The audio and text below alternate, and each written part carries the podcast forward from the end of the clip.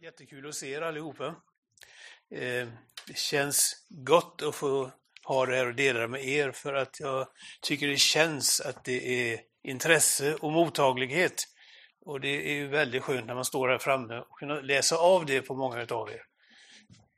Eh, sen undrar jag ju en sak faktiskt när ni kom de första här ikväll.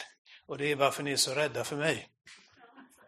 För att ni fyllde platserna bakifrån. Så det var de som kom sent, om de var modiga eller om de inte hade något annat val. Det, det får vi låta stå som det är. Men välkomna allihopa. Och det här är den tredje kvällen vi har och det blir den sista i den här serien. Vi har ju talat vid två tillfällen redan om de andliga Andens nådegåvor.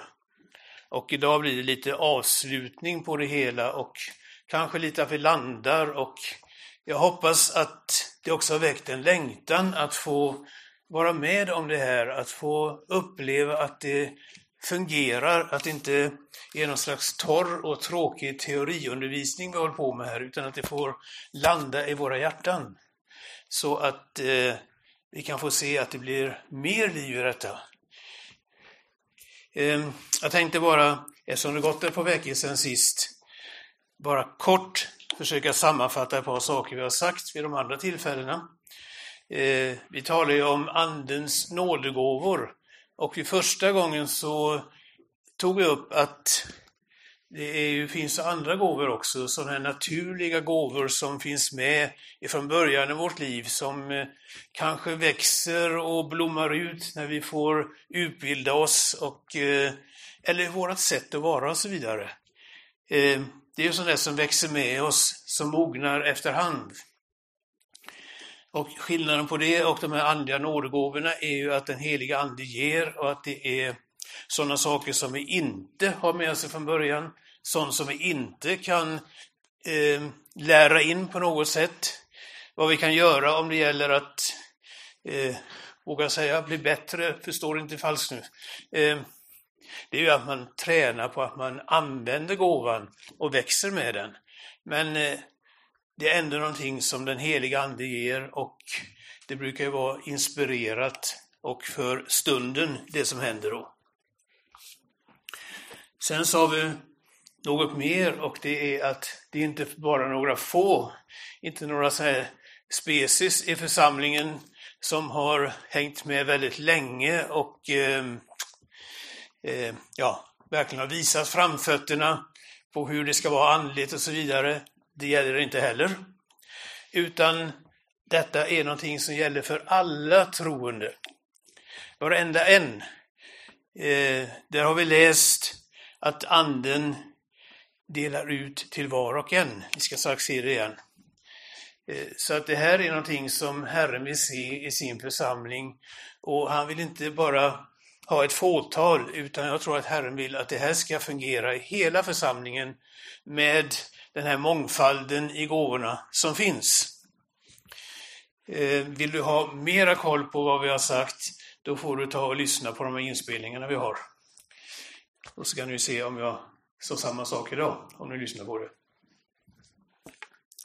De ska vara till nytta, heter det också. Och nytta i det här sammanhanget är ju att de tjänar till Guds rikes uppbyggnad.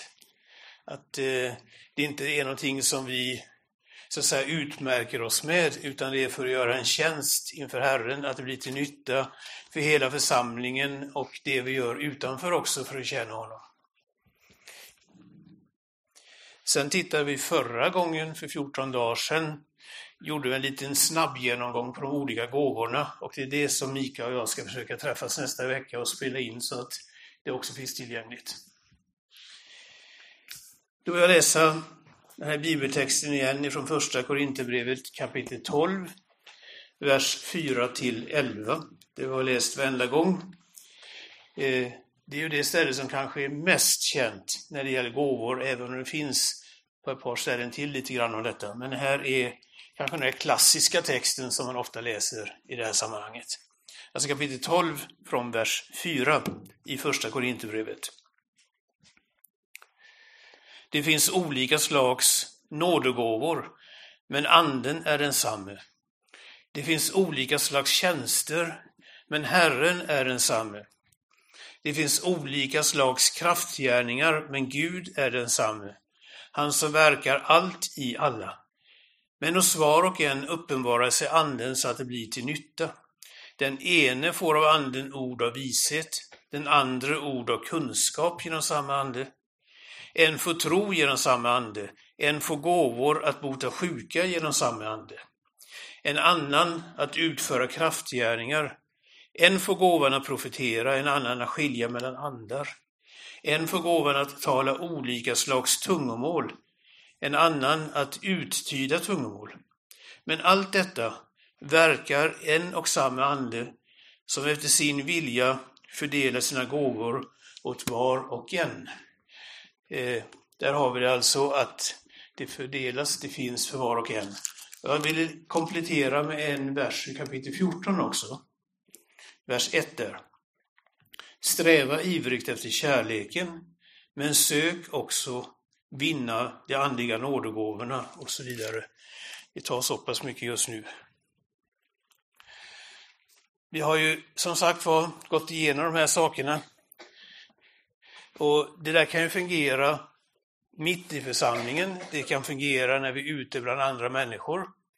Eh, jag hade en lärare när jag gick bibelskolan för, jag känner någon, det är drygt 40 år sedan, det är ett tag, det var alldeles innan jag flyttade hit till Motala första gången. Då hade vi en av våra lärare där som kom ungefär 45 minuter för sent till lektionen. Vi skulle ha dubbeltimmar med honom. Han kom alltså i slutet av första lektionstimmen. Eh, och vi undrade, vad är det som har hänt? Jo, sa han, jag var på väg hit och så när jag satt i min bil så såg jag en man som satt på vägkanten. Och jag kände bara att Gud vill att jag ska stanna och prata med den här mannen. Och den här mannen som satt där, han hade råkat ut för något missöde som jag inte minns vad det var. Men han fick några minuter, den här mannen, och det blev som resultat att den här mannen tar emot Jesus. Han hade aldrig hört om honom förut. Men tack vare att min lärare hörde Andens tilltal och stannade bilen och tog sig tid med den där mannen. Och då sa han, det var viktigare för mig än att ni fick hela lektionen full. Eh, den här läraren, han hörde genom andra vittnesbörd att det ofta hände sånt. De gick ute på stan tillsammans, han och en av hans kollegor. Och det hände både nu och då, han sa till dem, nu får du gå vidare själv, för att jag har upplevt att jag ska samtala med den här personen som är på andra sidan gatan här.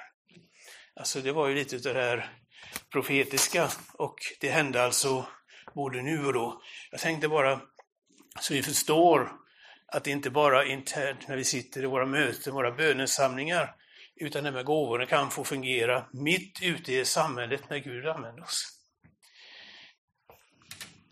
Det man kanske undrar nu då efter ett par gånger så här, vad är det jag måste uppfylla för att jag ska få tag i det här?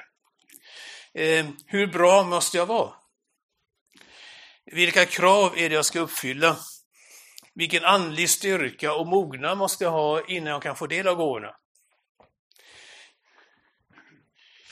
Det finns ju kanske ibland för, eh, meningar att man ska vara sån och sån för att det ska fungera. Och det är lätt att tänka så att ska jag känna Gud med någonting, då måste jag vara heligare än helig. Och därför så tycker jag det är så befriande när vi har namnet på de här gåvorna, nådegåvor. För att det visar att det handlar inte om våran förtjänst. Det handlar inte om allt vad vi har lyckats göra på något sätt. Och det vet vi när det gäller att göra i församlingssammanhang. Så finns det massa som sker som du aldrig ser för att det händer någonstans i bakgrunden och inte bara kanske i det offentliga sammanhanget. Vi hade till exempel, vi bodde i Greitz. Jag var hemma hos äldre människor i församlingen ibland och hälsade på. Och genomgående, oavsett vem jag kom till, så nämnde de en kvinna i församlingen och sa att hon har varit här och hjälpt oss. Hon har varit och handlat för oss. Hon har gjort allt möjligt. Den här kvinnan hade aldrig berättat att hon höll på med det här. Men nästan genomgående, hos alla våra äldre syskon fick jag höra att hon har varit här och hjälpt oss. Jag tänker att det där var en tjänst som inte många visste om, men hon fungerade. Så att det här med hur mycket jag gör, och hur mycket jag syns, det är ingenting som spelar någon roll i det här sammanhanget. Utan det handlar om nådegåvor. Är det någon som vet hur mycket man måste jobba för att nåden ska fungera? Vi ska testa det här om ni vet det. Hur mycket måste du göra för att det ska bli nåd? Ingenting, hör några försiktiga viskningar här. Ja, så är det. För nåd kan man aldrig förtjäna. Nåd kan vi aldrig arbeta oss till, utan det är att vi tar emot, att vi får. Jag tycker att det är alltså befriande när vi börjar tänka på alla våra plikter och sånt, att det inte är det det handlar om här. Givetvis är det klart att vi vill ha en levande relation och gemenskap med Herren och få möta honom. Att där föds detta. Men inte att du ska hålla på och pressa fram en massa resultat för att få del, utan det är nåd. Du har inte gjort någonting för det, men Gud vill att du ska få och han ger. Det är ganska intressant just att det här står i första Korinthierbrevet. Jag vet inte hur mycket ni känner till om den församlingen. För det första så var de verksamma i ett område i världen som ja, var mer än sekulariserat. Alltså det fanns massa religiösa inflytande men utav ganska tvivelaktigt eh, sätt. Eh, det var mycket av tempelprostitution, eh, slaveri och man levde så illa i den här staden så att eh, allmänt i den dåtida världen talades om, när man talar om att en människa levde moraliskt illa, då leder man korintiskt. Och tänk att där fanns en församling, en församling som tjänade Gud. Visst är det stort? Och i denna församlingen så fanns de här gåvorna. Det står i kapitel 1 att de inte hade någon brist på gåvorna. Alltså det var ett flöde av liv. Och ändå, om du har läst vidare det brevet, så ser du att det var ingen eh, sån här församling som man gärna visar upp kanske. Det fanns väldigt många problem och det fanns väldigt många frågetecken när det gäller livsföringen och ändå så finns det här med gåvorna mitt ibland dem. Det de saknade var kanske insikten om att de behövde möta Gud igen. Eh, Paulus säger i kapitel 4 till exempel, jag tycker det låter lite ironiskt, ni har ju redan allt, ni är mätta. Alltså med andra ord, eh, ni lever så som att ni inte skulle behöva något mer. Och mitt i detta sammanhanget då så lyfter han fram de här gåvorna och förklarar hur det ska fungera. Men det var alltså en församling som hade sina problem och ändå flödade nåden och det tror jag vi ska ta vara på och tänka på. Vilket inte innebär att det är mönsterbilden för oss, utan mönsterbilden är ju att söka sig nära Jesus. Men att det kan fungera trots bristerna och ändå vill Gud verka. Och eh, i sammanhanget där Paulus tar upp detta om bristerna i församlingen så poängterar han också att jag säger inte för att jag vill att jag ska skämmas, eh, utan det framkommer att jag säger det här för jag vill hjälpa er att hitta den rätta riktningen, att hitta till Herren på ett bra sätt. Nåden fanns där, ett överflöd som gjorde att det gick att känna Gud. Och det är klart, när vi längtar efter att få tjäna och undrar hur det ska gå till, så kanske även frågan dyker upp. Du kan mycket väl tänka på en sån här, hur ska jag i hela världen veta vilken gåva som Gud vill använda mig med? Finns det något sätt att veta det? En av mina bibelskollärare, som också var pastor i Philadelphia i Stockholm, han ingick i det teamet, han berättade att ungefär vid den tiden, alltså det här det är länge sedan jag gick i bibelskolan, faktiskt över 40 år sedan, så, att det, så de är väl 56-årsåldern som var unga på den tiden. Men han hade i alla fall undervisat om Andens gåvor i en ungdomssamling där. Och så delade han ut lappar, utan, man ska inte skriva namn, det ska vara anonymt, och så bad han de deltagarna skriva upp på lapparna, vilken gåva tycker du vore viktigast i vår församling just nu? Och så hade han en tavla på väggen. Och när han fick lapparna så läste han på dem, så skrev han upp där vad det stod på den. Och det intressanta var att när de hade tittat på alla lapparna så fanns alla de här gåvorna som jag läst om, fanns med där på tavlan. Eh, och det jag tror han ville visa med det, och som jag tror också att det är vad Gud vill göra, det är att han kan lägga någonting på vårt hjärta som vi känner att det här är viktigt. Och eftersom anden delar ut till var och en, så finns det också en mångfald i det hela. Så därför så kanske Margot sitter här ikväll och säger att den här gåvan vore jätteviktig. Men frågar jag Anita så säger hon kanske något helt annat. Och går jag då till, eh, ska vi ta sållen också eftersom du sitter så bra till där. Och hon kommer med en tredje grej och så kan du gå runt här och titta på det. Och det kanske var så att ni först tänkte, är vi inte överens här? Har vi ingen enhet eller vad är det för fel på oss? Men jag tror istället att det här skulle visa på att den heliga Ande vill ha en mångfald utav uttryck i Guds församling.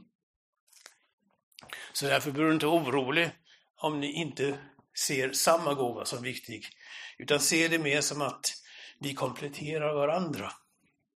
Kapitel 12 här i Korinthierbrevet, om man läser fortsättningen, så talas det om kroppen med olika lemmar, eh, där var och en har sin funktion.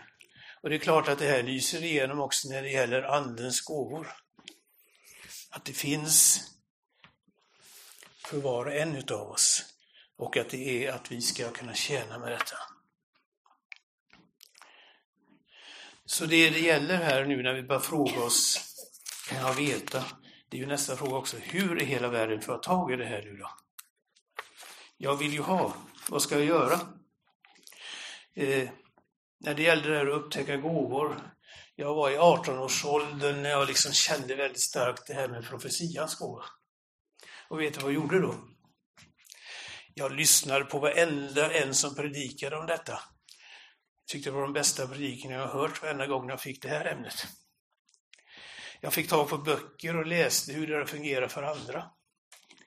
Jag lyssnade noga när någon i våra gudstjänster fick ett tilltal från Herren. På den tiden så var det väldigt vanligt att man började säga så säger Herren och så kom det. Eh, jag tycker kanske att det är lite ödmjukare att säga att jag upplever att den heliga Ande ger mig ett ord här till någon. Men det var liksom det normala på den tiden. Och var tid av sitt sätt. Sen var det en sak till som förvånade mig på den tiden i det hela. Eh, och det var varför man skulle använda 1917 års svenska när man profeterade. Det var ju den bibeln vi använde på den tiden. Eh, de här nyare översättningarna har kommit sen. Men det var väldigt ofta som det var i haven och så vidare. Jag som tar dem i haven. Jag upplevde en liten rolig grej med en ungdomsgrupp här i kyrkan när jag var ungdomspastor här. Eller jag hade en sån här komfagrupp, det hette Kristendomsskola på den tiden. Och vi satt och läste Bibeln och vi hade ju den här 1917 som var svårförståelig så jag fick ofta ägna mycket tid att försöka förklara. Men då hade vi en kille som var med i gruppen och det stod i haven och han läste I heaven. Ja. Men det var den här längtan som gjorde att jag försökte få reda på så mycket som möjligt. Hur fungerar det här? Och det rekommenderar jag dig också när du bär något på ditt hjärta att har du möjligheter så försök att fördjupa dig i vad det innebär. Och eh, Sen finns det andra sidor också. Varför funkar det inte jämt? Varför har jag fått tjäna Herren med någonting och nu tycker jag att det är tyst? Jag vet inte om någon känner igen sig att det kan bli så. Och det kanske finns, ja det finns väldigt olika saker. Jag tror inte jag ska kunna räkna upp alla möjligheter som finns bara i den här gruppen. Men det kan ju vara kanske att du har framfört ett budskap och det kändes jobbigt för att det togs inte emot först. Det kanske behövde tid för att verka. Men det kändes jobbigt och du tycker att det är bättre att jag tiger nästa gång. Det kan vara en sak. Eller att du själv eh, utan anledning har några problem med någonting som gör att du känner dig så nedtryckt och så fylld av bördor att du kanske tycker att jag orkar inte just nu. Eh, och det finns en hel del annat. En personlig upplevelse jag hade i detta, alltså det är hur jag upplevde det vid något tillfälle. Jag hade fått använda gåvan ganska ofta. Men så kom det en period, det gick över flera månader. Det hände ingenting, jag tyckte inte jag hörde någonting. Och så var jag på en träff för oss som var Europamissionärer på den tiden. Vi var samlade i Holland på en församlingsgård där.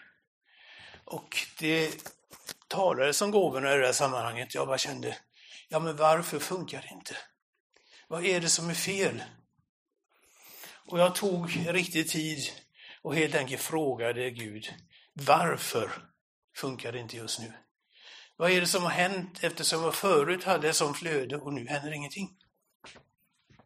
Vet du vad jag fick för svar? Du är för stolt.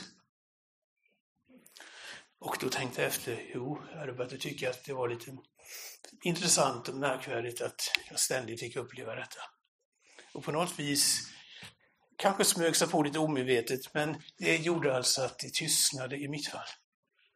Men då när det gick upp för mig så här i den där, jag hade en bönegemenskap och jag liksom gjorde klart med Herren, jag bad om förlåtelse för det sättet jag hade haft också. Du, det tog inte ens tio minuter efter det att jag hade bett Herren om förlåtelse, så fick jag ett budskap som behövdes i just den samlingen. Alltså så hårfint var det i skillnaden. Jag ville berätta den här personliga saken även om du kanske upplevt det på något helt annat sätt. Bara för att ni ska förstå att den heliga Ande också är känslig.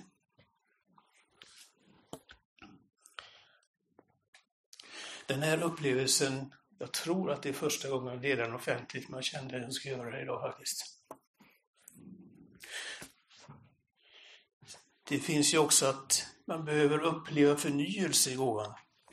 Timoteus till exempel, i kapitel 1, första Timoteus eh, kapitel 4 och 14, där får han uppmaning att inte försumma gåvan. Alltså kanske att man blir lite hemmablind, eller om man ska säga, så man liksom inte riktigt lever i det längre. Eh, att det är någonting som gör att den har fått träda tillbaka. Det kanske finns andra saker i mitt liv som är så viktiga så att det där liksom skjuts åt sidan. Kanske inte medvetet, men det sker. Jag tänker att det var så med Timoteus, att han bara därför fick uppmaningen, försumma den inte. Alltså vårda gåvan, låt den få flöda i dig. Och det sägs till honom också i andra Timoteusbrevet 1.6 att han ska låta gåvan flamma upp igen. Så jag ser att vi kan behöva förnyelse också. Både att söka på nytt och att förnyas i det som finns. Sen läste vi ju 14, vers 1 här också. Sträva ivrigt efter kärleken, men sök också vinna de andliga gåvorna. Eh, jag går inte in på fortsättningen, utan bara det här sök och vinna. Först står det att vi ska sträva efter kärleken. Och jag vill betona som vi gjorde första gången att kärleken är ingen nådegåva. Kärleken är en frukt som den helige Ande låter växa i oss.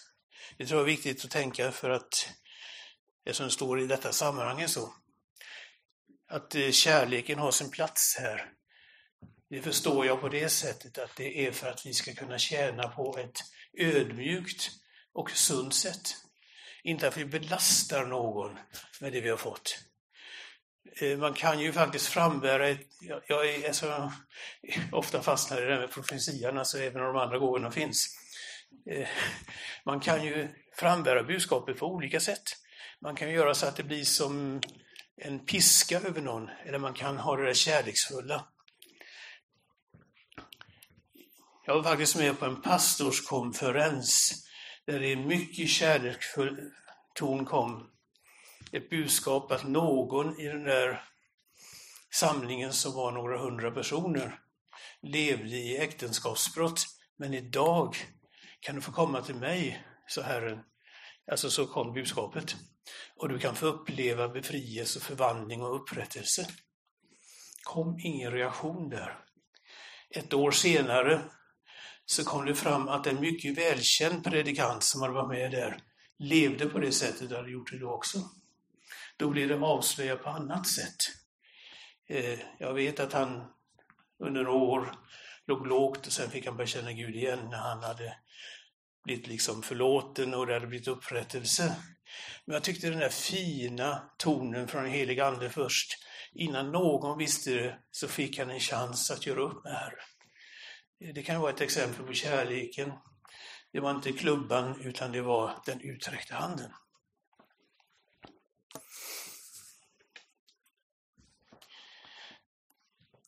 Men när det gäller att få tag i gåvorna, om det är att du liksom gör en första gångs upplevelse eller det blir förnyelse. Det står här, sök de andliga gåvorna.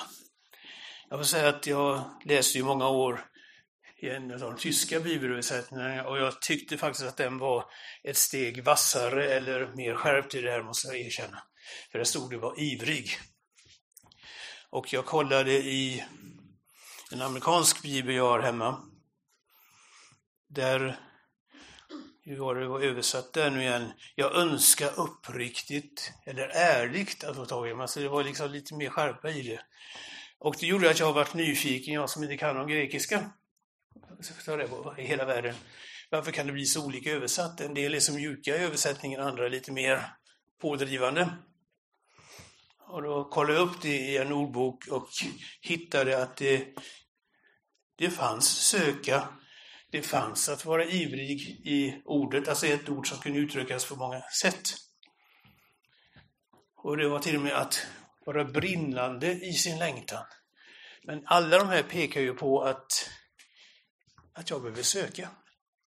Jag behöver ha tag i det. Det är alltså inte något passivt väntande, att du liksom sitter med öppna händer och så ska det ramla på dig bara. Utan du är där och säger det här vill jag ha tag i. Det här tror jag att vi behöver nu. Och jag längtar så efter att få det. Jag vet då, jag berättade för er när jag liksom upplevde det här, vad som gällde min person, eh, att jag bad mycket också för att jag vill ju se att det här fungerar. Och så var vi på en evangelisationskampanj med en ungdomskör som jag var medlem i på den tiden.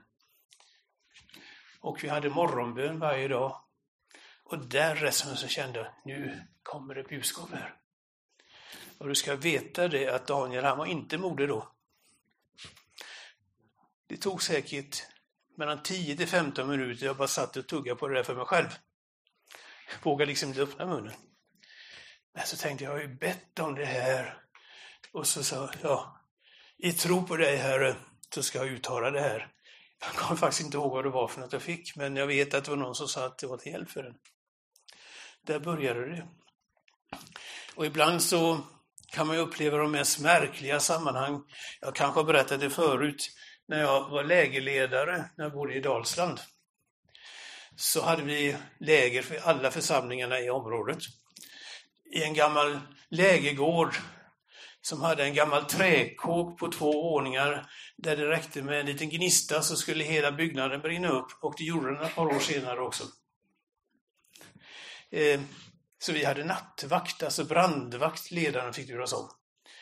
Och då hade vi ett litet kontor man kunde sitta på när man inte gick runt. Och jag hade ju tänkt att nu ska jag ta med mig Bibel och passa på att läsa. Och givetvis så glömde jag den på rummet, jag kunde inte gå och hämta den för att väcka någon annan. Jag tänkte, vad ska jag göra då? Det enda jag hittade i en hylla där, det var en gammal telefonkatalog. Jag tog och bläddrade i den för att jag inte hade något annat för mig. Och då hittade jag en sida som stod hur man skulle förhålla sig i en krigssituation. Och en sak som jag fastnade för det var att om det går ut ett meddelande på radion eller på annat sätt att eh, ni ska lägga ner kampen, lita inte på det. Det kan vara falsk information. Ungefär så stod det.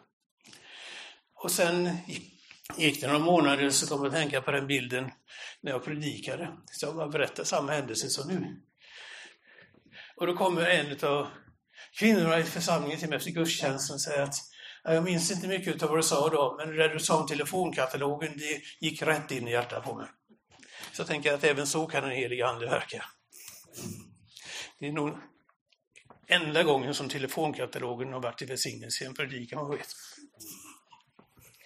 Ni som är yngre vet väl inte ens vad en telefonkatalog är kanske. Men, ja. Nej, men det är det här att önska, att vara ivrig. Jag vill ha tag i detta. Och det innebär inte att jag måste bevisa för den heliga Ande att jag vill ha det. Utan det är mer att mitt eget hjärta blir öppet så att den heliga Ande kan komma åt och ge mig. Ja, nu ska jag inte säga så mycket mer ikväll, för vi har ju haft tre gånger nu. Utan det jag önskar och längtar efter här, det är ju att många av oss ska säga att jag vill ha tag i det här. Jag vill bara känna Gud med det här. Jag önskar att mina syskon i församlingen ska få bli uppbyggda i det jag har fått. Jag önskar att jag ska kunna göra en tjänst utanför kyrkans väggar med de här gåvorna. Och det är inte att förakta det jag var med och såg på vägen, men att vi på det här övernaturliga viset får ge, dela med oss ifrån det som Gud har gett oss. Så jag tänkte helt enkelt att vi ska ta en stund i bön då vi helt enkelt ber för detta. Alla andra bönämnen sparar vi till lite senare så att nu håller vi oss till detta och får be och göra det. Eh, alltså helt enkelt be för dig personligt. Du får gärna be högt för oss allihopa. Och jag tänker även att om det är någon som önskar så ber vi givetvis för dig också om du vill det. Då får du bara ge dig till känna på något sätt.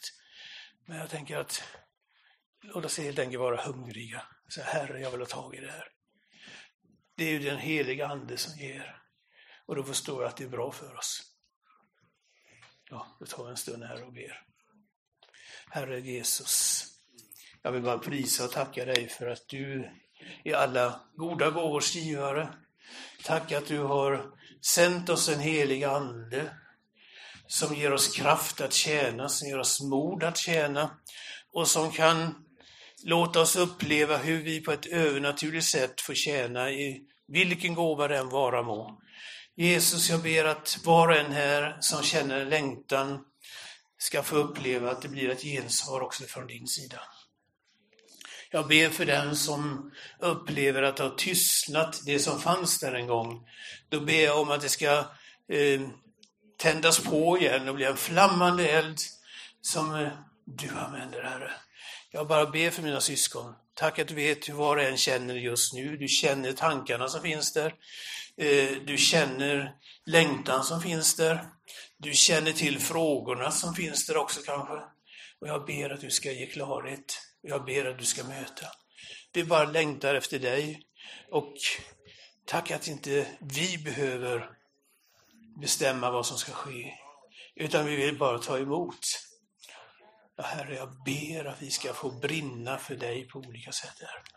Tack Jesus.